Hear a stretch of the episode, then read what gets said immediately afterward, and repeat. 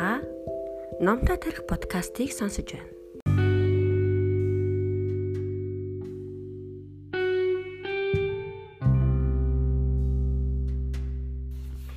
Алтан дээл Карнегийн номын 1-р дэвтэр 3 дугаар хэсэг. Хүмүүсийг үзэл бодолдоо хэрхэн татах нууц. 3 дугаар хэсгийн 1-р бүлэг маргаад ялахгүй.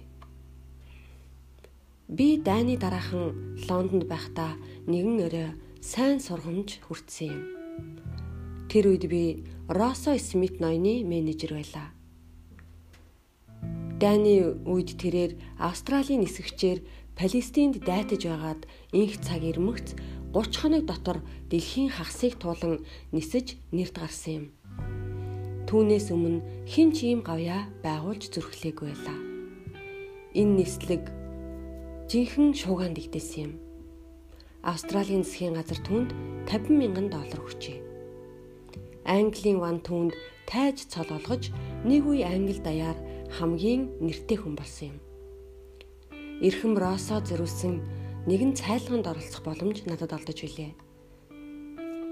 Цайлгын үеэр дэрэгдмийн суусан нэг нөхөр оюун санаандаа чухамхүү тэгж бодоогүй бурхан тэнгэр бидний санааг гүйцээж байдаг а гэсэн ишлэл дээр үндэслэн хөхтэй тохиоллыг ярив.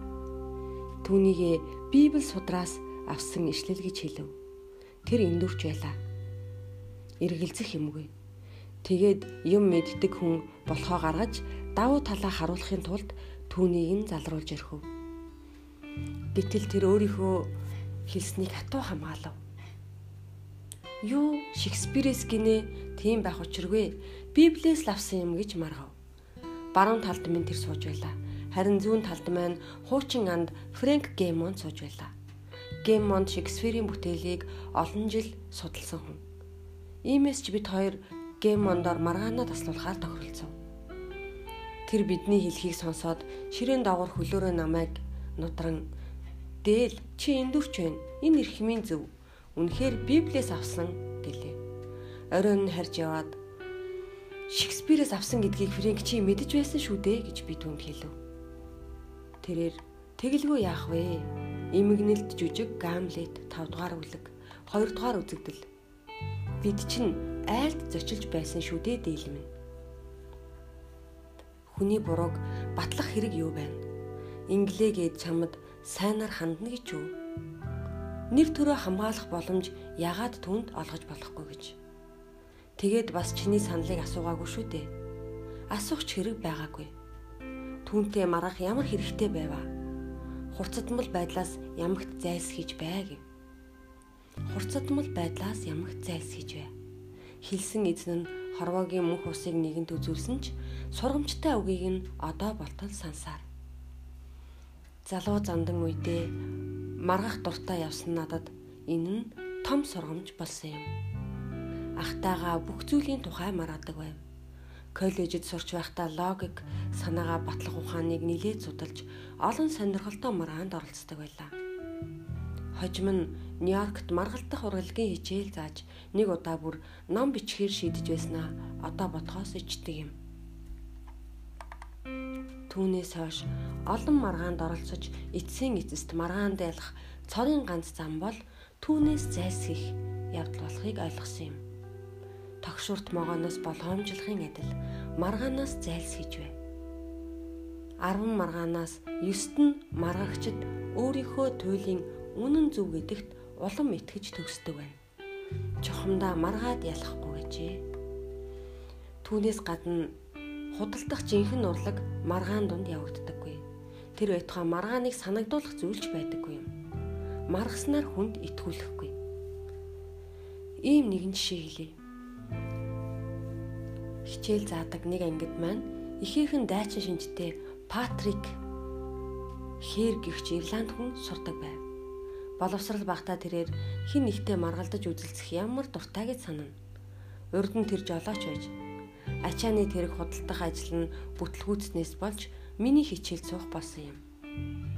Түүнээс хитгэн зүйл асуухад чухамхөө бараагаа наймаалах гэсэн хүмүүстэйгээ байнга маргаж өөрийнхөө эсрэг тавьдаг нь мэдэгдсэн юм.